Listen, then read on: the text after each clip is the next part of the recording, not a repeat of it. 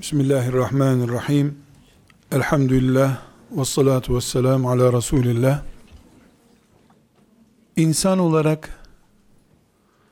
gözümüzle izlediğimiz, elimize temas ettirebildiğimiz, bedenlerimizle beraber bir de ruhumuz vardır. Kaybederken önce ruhunu kaybediyor insan. Biz kaybettiklerimizin önce ruhunu kaybediyoruz. Sonra o insan elimizin altında, yanı başımızda olduğu halde onu ölü sayıyoruz. Demek ki insan ruhu kadar var, ruhu kadar yok bir mahluk. Esasen ruh hiçbir araştırmamızda elle tutulur, gözle görülür, fiziki boyutunu hesaplayabildiğimiz bir cisim değil. Ama buna rağmen insanı ancak ruhu ile var kabul edebiliyoruz.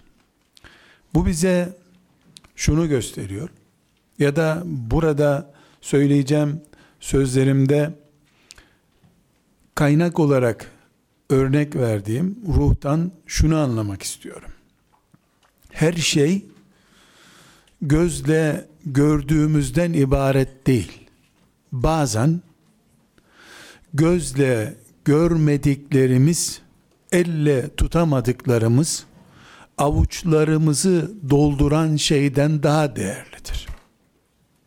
Gazete kağıdı kadar bir hacmi bulundurmayan küçücük bir kağıt sadece üzerine devlet benim paramdır diye bir seri numara bastığı için kıymetli oluyor. Sonra da ben iptal ettim bunu diyor. Gazete kağıdı kadar da kıymetli olmuyor. Seri numaralar kıymet kazandırıyor veya kaybettiriyor. İnsan olarak e, ruhumuz bize var ve yok değeri biçiyor. Aynı şekilde e, kağıt parçasına da bu kağıt parçası para eder veya etmez kararı basit bir seri numarası veya üç kişinin imzası değer katıyor. Güzel kardeşlerim bir müminin bir mümin toplumun hayatında da moral kaynağı tıpkı insanın ruhu gibidir paradaki seri numarasının varlığı gibidir.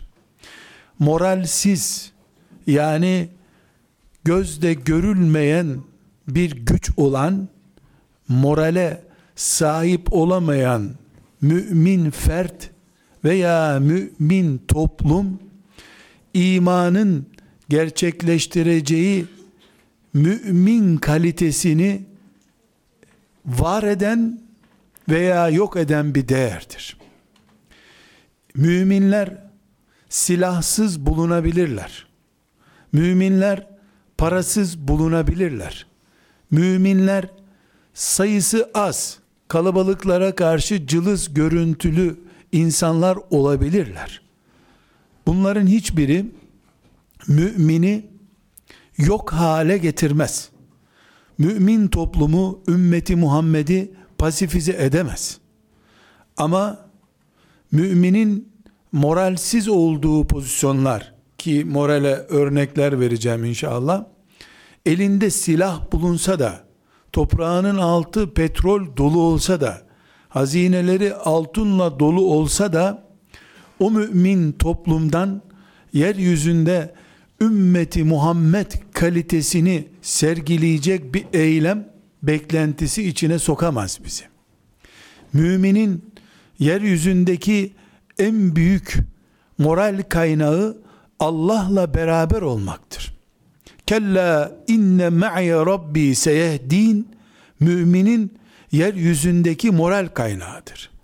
Arkanda yüz binlere bali Firavun ordusu, önünde de okyanus gibi koca bir derinlik bulunsa bile önünde bastığın zaman suya dalacaksın arkanda vurduğu zaman öldürecek bir Firavun ordusu olsa bile inne ma'iye rabbi diyebilen anlayış mümin anlayışıdır.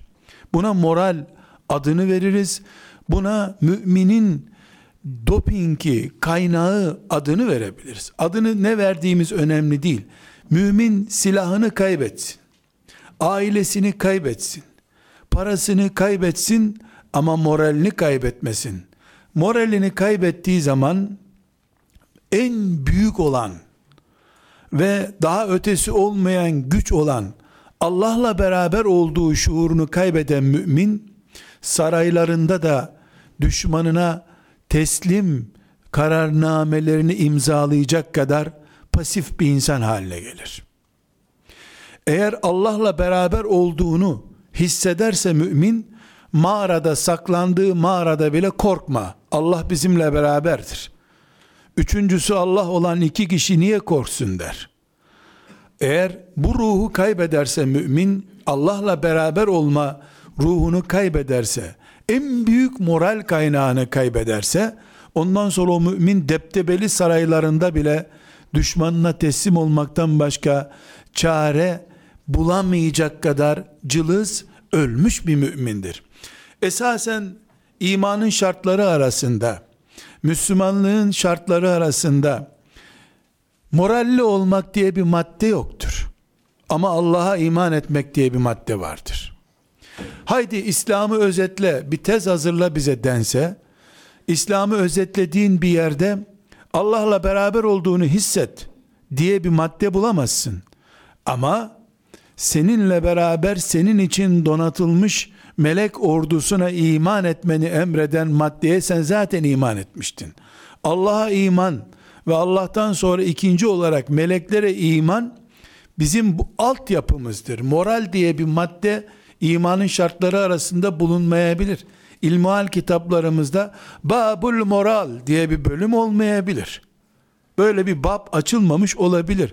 Açmaya gerek yoktur. Melek moral demekti zaten. İnne me'ye rabbi sen bunun için ezberlemiş olman gerekiyordu zaten. Bugün Müslümanlar olarak devletimizi kaybetmiş, halifesiz, hilafetsiz bir toplum haline gelmiş olabiliriz. Hilafetin aslı olan nübüvvetin bile dayanacağı bir evi olmadığı bir zamanlar Darül Erkam isimli bir küçücük bir mağara gibi bir eve sığındığı zamanları da vardı bu ümmetin. Denizin önünde arkasındaki Firavun ordusuyla beraber sıkıştığı zaman da vardı Allah'ın kullarının ama kella kella büyük bir slogandı. Olmaz. Allah'la beraberim ben. Bana mağlubiyet yoktur diyen anlayış vardı. Bu sebeple bugün ümmeti Muhammed olarak altımız zenginlik, üstümüz nüfus ve nüfuz dolu olduğu halde cılız kendimizi hissediyor olmamız bizi yeniden kaybettiğimiz nedir? Kaybettiğimiz halifelik midir? Kaybettiğimiz petrol yataklarımız mıdır? Kaybettiğimiz coğrafyadaki siyasi sistemimiz midir? Yoksa bunların hepsinin ruhu durumunda olan Allah'la beraber olmak ve asla mağlubiyeti kabul etmeyeceğimiz gücün sahibi olduğumuzu hissetmek midir? Herhalde ikincisidir. Çünkü bu ümmetin elinde kuruş olmadığı zamanlarda, yanında bir kişi bulunmadığı zamanlarda, çıplak ayakla seferberliğe çıktığı zamanlar dünyayı fethetmek üzere çıkmıştı. Çünkü Musab bin Ümeyr'in hiçbir şeyi yoktu. Kitabı yoktu, kalemi yoktu, defteri yoktu. Ama Allah benimledir, melekler benimledir diye telakkisi vardı. Bu telakki Musab bin Ümeyr'in elinde devlete dönüştü. Çıplak ayakla kurdukları ordulardan fetih sonuçları elde ettiler. Donanımlı halimizdense evlerimizi bile kurtaramayacak pasif pozisyonlara mahkum olmuş bir ümmet olduk. Bu sebeple güzel kardeşlerim, size İslam'ın yeniden devlet olmasını anlatmak için burada bulunmuyorum. Fert olarak, bir mümin fert olarak ve ümmeti Muhammed olarak her şeyimizin temel kaynağı olan moral olduğunu söylüyorum. Moralimizi de biz psikologlardan alacak kadar cılız bir ümmet değiliz. Bir psikoloğa 50 lira 100 lira para verip bana moral ver diyecek bir ümmet değiliz. Rabbimizle baş başa kalır. Bir Kur'an'dan okuduğumuz bir sure ile ümmetin selefinden okuduğumuz bir siretle hayata yeniden tutunacak kadar, ölüyü diriltecek kadar güçlü kaynakları olan bir ümmetiz biz. Ölülere bile hayat veren kitabımız diriler olarak bizim elimizde neden ruh vermez, heyecan vermez hale döndü? Bunu konuşmak istiyoruz. Burada önce basitten gelen bir iki örnek vermek istiyorum. Güzel kardeşlerim, bu hissiyatımız enerjiye dönüşeceği zaman bu beklediğimiz dönüşüm ümmeti Muhammed'in yeniden Kudüs merkezli, İstanbul merkezli, Mekke Medine merkezli bir devlete dönüşmesi, halifemiz var, işte haccımızı halifemiz yaptırıyor. Bu noktaya gelmeden önce şeriat ilimleri okuyan talebelerin ben Ebu Hanife olabilirim diye bir heyecanı yok. Böyle bir moral yok. Aynı Kur'an'la Ebu Hanife'nin okuduğu Kur'an'la Ebu Hanife'nin okuduğu hadislerle yola çıktığı halde Ebu Hanife'nin kitaplarını bile anlayamayacağına inanarak yol alan moralsizlerden günün birinde ümmeti Muhammed'in moralli bir ümmeti ortaya çıkmayacak herhalde. Önce sizler talebeler olarak, şeriat ilimlerine talip kimseler olarak kendinizi ne görüyorsunuz, hangi noktada görüyorsunuzdan başlayalım. Siz önce talebeler olarak Ebu Hanife olmayı bile kendiniz için basitlik görmeniz gereken bir noktada olmalısınız. Ebu Hanife'si var bu ümmetin. Artı Ebu Hanife kim olacaksa o çıksın meydana. Ebu Hanife'nin herhangi bir bilgisayar programı olmadığı halde, belki Allah bilir ya, not tutacak kadar kağıdı bile günlerce Çin'den beklediği bir zamanda yaşamış bir insan olarak, Ebu Hanife'den beklenenden çok daha fazlasını, daha üstün noktaları bekleme hakkımız var bizim. Bugünün şeriat öğrenen, din öğrenen talebelerinden. Önce ümmetin büyük kapasitesini düşünmeden önce ümmetten birisi olarak bir talebenin üzerinde bunu düşünmem gerekiyor benim. Şeytan kahrederken Kudüs'ü Yahudi'ye teslim etmeden önce kafalarımızı kendisi teslim almıştı zaten. Günün birinde Abdülhamid'in bir iş yapamayacağını, Abdülhamid'in hal edilmesi gerektiğini hocalara bile düşündürttürdükten sonra Kudüs'ü Yahudi'ye teslim ettirecek anlayışı icra ettirdi. Biz koca koca projelerden önce koca koca projelerin bireyleri olan kendimizi düşüneceğiz ve ilk defa da haklı olarak ben şeriatımı öğrenmeye talip talebeler olan sizlerden bunu bekleme hakkına sahibim. Bunu sizden istiyoruz biz. Siz kendinizi ne noktada görüyorsunuz? Hanımefendiler, beyefendiler olarak kendinizi ne görüyorsunuz? Ebu Hanife'nin fıkhını yazan hidayeyi okuyup anlayacak bir müftü efendi mi olmak istiyorsunuz ki yazık size o zaman. Yazık size. Yazılmışları okumak bir maharet mi? Ebu Hanife'nin yazamadıklarını, yapamadıklarını yapmaya talip misiniz? Fethedilmiş bir İstanbul'u korumak Fatih olmayı gerektirmiyor. Yeni İstanbullara talip olmak Peygamber aleyhisselamın İstanbul'dan sonrasını gösterdiği hedef var. O önce sonra öbürü dediği hedef var ve o fetih henüz Fatih bekliyor. Biz Allah'la beraber olduğumuz inne me'ye rabbi Rabbim benimle beraberdir diye haykıran anlayışımız ben hocam ve ben yani bir talebe olarak ben ve başımdaki hocam üçüncümüz Allah'sa ben artık tamamım diyebilen idrakimiz bizim bir talebe olarak yanınızda mı sizin?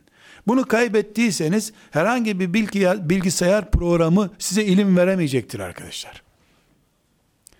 Önce siz bu hazzı yaşayacaksınız. Allah'la beraberim. En güçlü benim. Ölürüm, toprağa konurum. Belki toprağa bile konmam. Okyanusun dibinde kalır cesedim. Ama Rabbim benim ölümden bile nesiller çıkarır diyen Hamza olmanız gerekiyor. Musab bin Ümeyr bu ruhun sahibi olduğu için bir yıl dolmadan Resulullah'ın avucuna bir devlet kurup verdi sallallahu aleyhi ve sellem. Öğretmen olarak gönderildiği yerden devlet protokolüyle geri geldi. Onu öldürmek için yanına gelenler onun da hayat bulup geri gittiler. Çünkü şuna inanıyordu Musab. Tamam öldüreceksen öldür. Bırak sana bir ayet okuyayım diyordu. E oku bakalım ne okuyacaksın Muhammed'in şiirlerinden diye. Dinleyenlere üç ayet okumaya gerek kalmadan ruhlarını ve kimliklerini teslim aldı. Çünkü elindeki Kur'an'ın ölü de dirilteceğine inanıyordu o. Ama bugün eğer bir hafız efendi Kur'an'ı ezber bildiği halde filan tefsir kütüphanesinde bulunan talebeler olduğumuz halde biz hala Kur'an'ımızın acaba filan sosyolojik teoriye cevap verip veremeyeceğinden mütereddit kimselersek biz Musab değil hiç kim olursak olalım biz kendimizi yaşatamıyoruz ki o zaman elimizde başkaları hayat bulsun. Toprak, ölü toprak bizde neşvi nema bulacak e, ürünler yetiştirsin. Bu sebeple biz elbette Allahu Ekber diye haykırmadan önce elbette Allahu Ekber yani Rabbim benimledir. Allah'la beraberim ben. Ölürüm ama mağlup olmam. Toprağa gömülürüm. Gömüldüğüm yerde cesedim çürüse bile toprağı sulamış olur benim cesedim diye iman eden hazza sahip olmak. İlk neslin imanına sahip olmak. Biz mi 20 kişi bu dünyada Allah'ın nurunu tamamlayacağız diyen bir sahabi oldu mu hiç?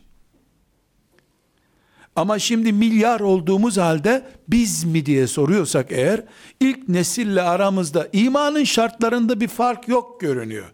Namazı daha konforlu camilerde kılıyor görünüyoruz. Hatta ve hatta ileride fıkıh derslerine girdiğinizde hadislerde göreceksiniz. Ashab-ı kiramın kadınları arasında böyle kaç tesettürlü vardı ki? Ahzab savaşına kadar zaten başı açık dolaşıyorlardı Medine sokaklarında. Eğer İslam'ın ilk 20 senesini örnek alacaksak sizler hanımefendiler ashabın kadınlarından daha tesettürlüsünüz. Allah nazardan korusun. Çok daha tesettürlüsünüz. Son 3 senede kara kartallara döndü onlar da. Medine sokaklarını kapkara yaptılar. Elhamdülillah görüntünüz onlardan yine aşağı değil. Çok son 3 senenin üstünde de değil ama şu var yalnız. Nesibe belki Medine sokaklarında başı açık gezebiliyordu. Peygamber aleyhisselamın ve ashabın yanına oturuyorlardı. Henüz çünkü tesettür ayeti inmemişti. Ama Nesibe'nin etini kuşlar parçalasa her bir parçasından bir ümmet çıkacak kadar enerji doluydu. Allah'a bağlılık ve itimat doluydu. Acaba sorusu yoktu. Çünkü Allah acabalık bir Allah değildi. Lat ve Uzza değil ki acaba galip gelecek mi desin. Allah bu. Rabbul Alemin. Kahhar olan Allah bu. Nasıl Allah'ın sahiplendiği bir din Allah'ın davasında acaba olabilir? İnsan her şeyden tereddüt edebilir. Kendi adından da tereddüt edebilir. Acaba benim adım babam böyle koymuştu ama anneannem değiştirmiş miydi adımı diye tereddüt edebilir bir insan. Ama Allah'ın galibiyetinden nasıl tereddüt edebilir?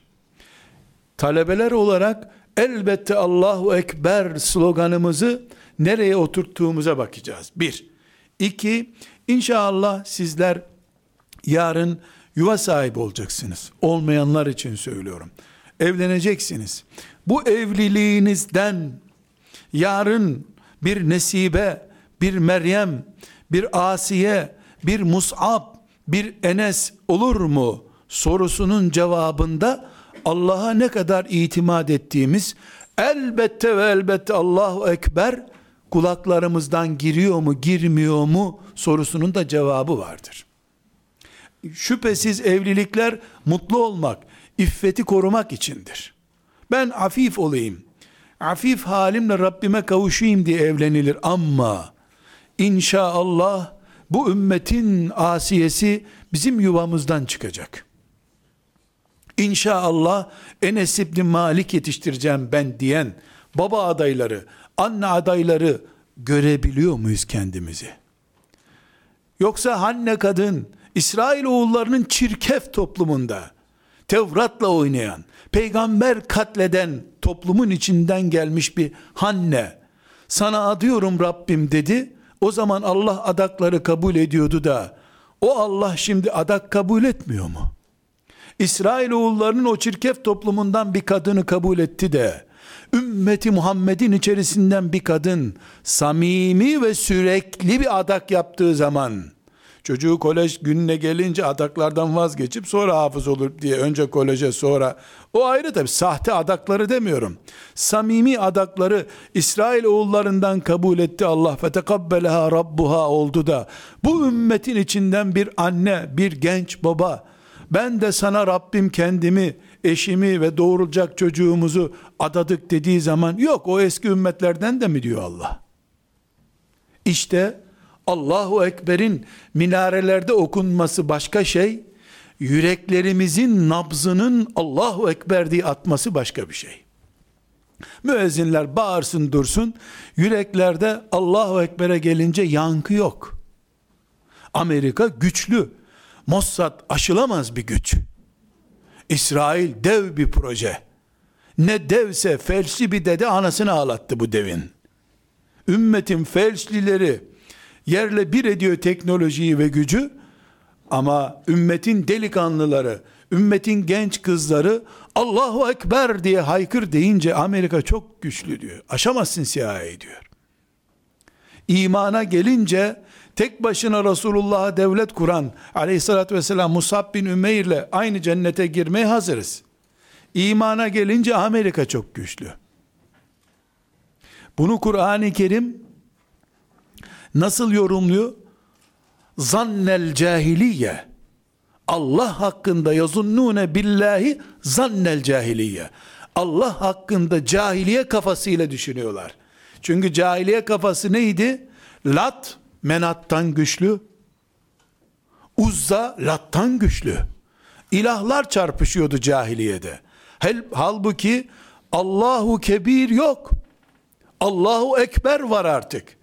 En büyük Allah. Büyüklerden bir büyük değil. Tek büyük Allah. La ilahe illallah'ta ki la cinsini nefyeden la'dır. Herhangi bir yokluk belirtisi değildir. Hiçbir ilah olamaz. Varsa ilah Allah'tır düşüncesi. İlah Lat, Menat, Uzza'ydı. Şimdi Amerika, İsrail, Mossad, teknoloji, internet, şu bu sistem eğer hala güç noktası olarak aşılamaz bir nokta olarak müminin önünde duruyorsa nerede la ilahe illallah'taki cinsini nefyeden bütün ilah cinslerini nefyeden la nerede o zaman? Hani Allah en büyüktü o zaman biz Allah'ı büyüklerden bir büyük yani güneş çok büyük gök cisimleri arasında büyüklerden büyük aydan büyük merihten büyük işte filancadan da küçük filan galaksiden küçük der gibi Allah en büyüktür mü diyeceğiz biz. İşte nasıl talebe kendisini Ebu Hanife bile olmaya uygun değil. Ebu Hanife var zaten. Onu da yutarım artı Ebu Hanife olurum inşallah. Ebu Hanife'nin ayaklarının dibinde yetişirim ama ondan daha büyük Ebu Hanife olurum. Ebu Hanife de bunu istiyordu zaten. Ebu Yusuf'u bunun için kendi sağlığında salmıştı zaten diye bir mantıkla yetişirim yuva kurarken de mümin olarak bu ümmetin insan kıtlığını ben gidereceğim inşallah. Benim yuvam bunun için kuruluyor. Tıpkı Hanne kadın Mescid-i Aksa'yı işgal eden Yahudi çirkefliğine karşı ben ancak karnımdakini sana adayabiliyorum Rabbim. Tek başıma ne yapayım ben cılız bir kadın olarak dediği zaman onu duyan Allah'a söz söyleyen Hanne'nin adak yaptığı mantıkla adak yapan anne adayları, baba adayları kella inne ma'i rabbi seyehdin teknoloji her şeyin başını aldı götürdü. İnternet aşılamıyor. Facebook sayfaları çok fesat yayıyor. Ne olursa olsun inne ma'i rabbi seyehdin. Çünkü bütün kalpler Allah'ın iki parmağı arasında ise eğer benim yetiştireceğim bir çocuğum, benim yuvamdan çıkacak bir mücahit, bütün kalpleri Allah'ın emriyle kendisine çevirebilir, sözü müessir hale gelebilir diye düşünen anlayış, bu ümmetin ilk çekirdeğinin ruhunda olan anlayıştır. Beni öldürebilirsiniz. öldürün ama Muhammed'e dokunmayın diyen anlayıştır bu. Şimdi ne yazık ki kardeşlerim görüyorsunuz bu anlayış yani benim ayağıma diken batmasın yeter ki Muhammed rahat etsin diyen anlayış şimdi benim şeyhime büyüğüme dokunmayın ben öleyim diyen anlayışa dönüştü. Peygamberin yerine başka odaklar oturtuldu. Böylece biz esasen kainat kadar güçlü bir kainattan daha güçlü bir ruha, morale sahip olduğumuz halde bölünmüş, parçalanmış kimliğimizle elimizdeki enerjiyi kaybetmiş olduk. Aziz kardeşlerim, değerli kardeşlerim, ümmeti Muhammed insanlık için çıkarılmış bir ümmettir. Bütün insanlığa adanmış bir ümmetiz biz. Bunun en kestirmeden sonucu şudur. Bu ümmet Adem'den son Adem çocuğuna kadar bütün insanlığın kahrını taşıyacak. Tatlı, neşeli bir günü olmaz bu ümmetin. Onun için hanımı ile geçirdiği saatlerden sonra şehadete giden Hanzele bu ümmetin ortak tablosudur. Yatak odasıyla şehit toprağını bir arada tutan bir ümmetiz biz. Çünkü biz Orta Doğu'nun bir kasabasına gelmiş bir peygamberin ümmeti değiliz. 20 yıllığına gelmiş ölünce de davası bitmiş bir peygamberimiz yok bizim. İnsanlık için çıkarıldık. Adem'den Adem'in son çocuğuna kadar bütün insanlık omuzlarımızda yüklüdür. Peygamberimizin omuzlarındaydı. Ebu Bekir'in omuzlarına geçti. Onların peşinden giden ve men tebi'ahum bi ihsanin ila uzmanca, kaliteli bir şekilde peşinden, Ebu Bekir'in peşinden kim gidiyorsa hepsinin omuzunda bu vardır. Dolayısıyla çilekeş bir ümmetiz. Dertli bir ümmetiz ama bunun karşılığında da Allah bizimle beraber olduğu için Allah'la beraber olduğumuza inandığımız için güçlü kuvvetli bir ümmetiz. İnsanlık kadar derdimiz var milyarların derdini taşıyoruz. 10 bin senenin geçmişin derdini taşıyoruz. Belki gelecek 10 bin senenin projelerini omuzumuzda taşıyoruz.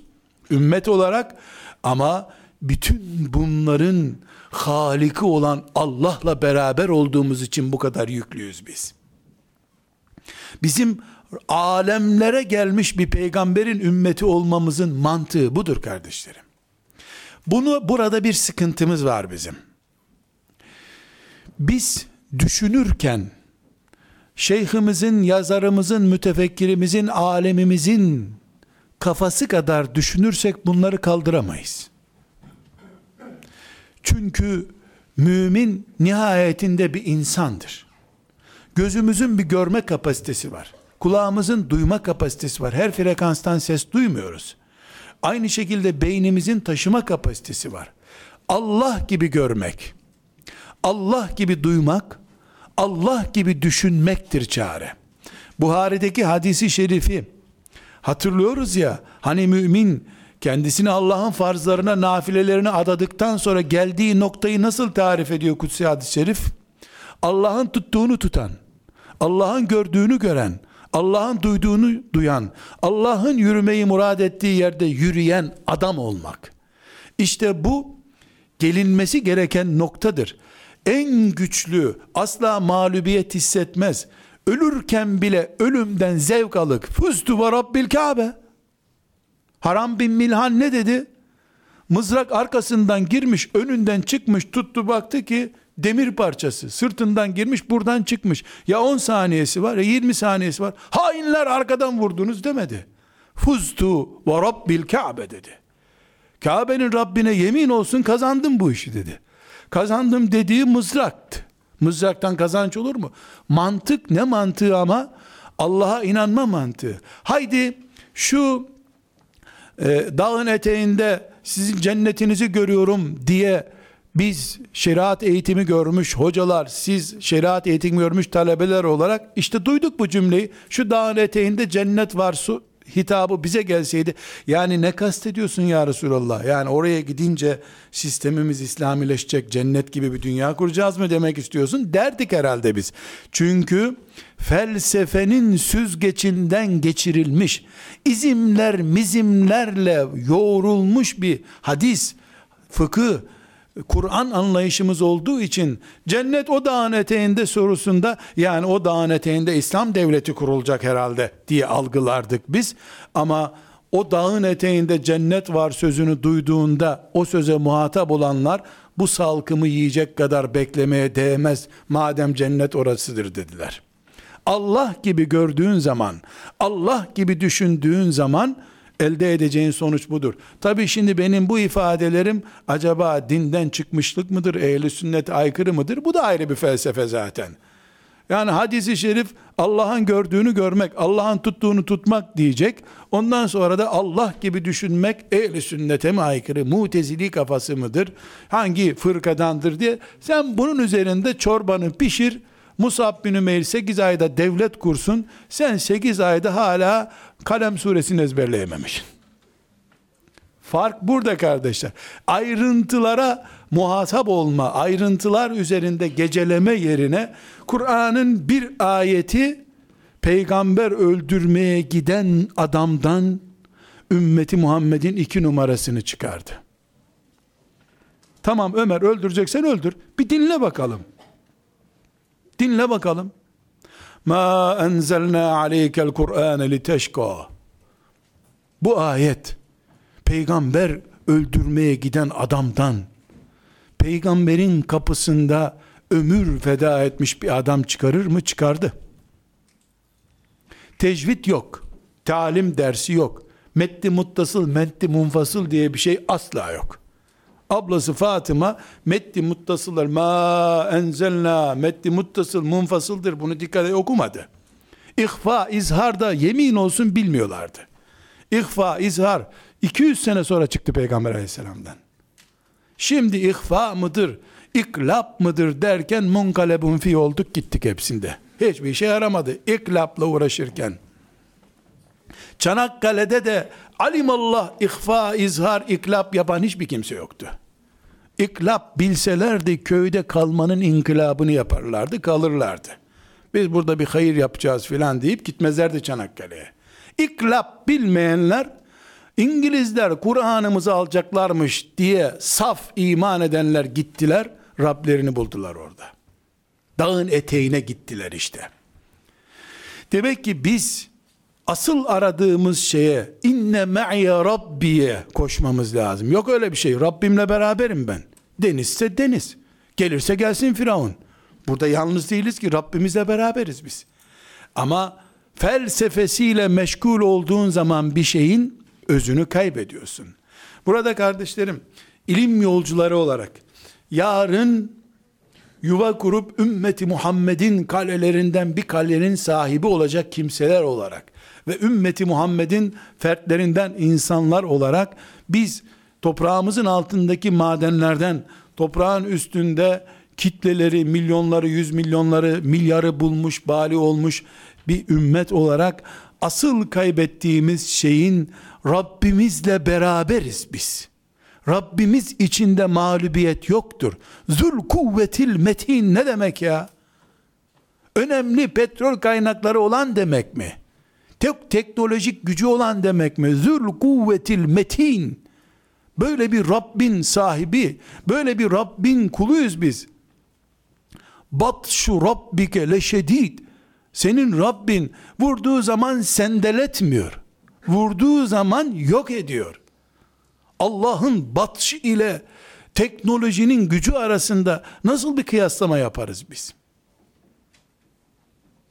Şu Allahu Ekber nidaları minarelerde anlamını yitirmiş gibi duruyorsa bu bizim sorunumuzdur.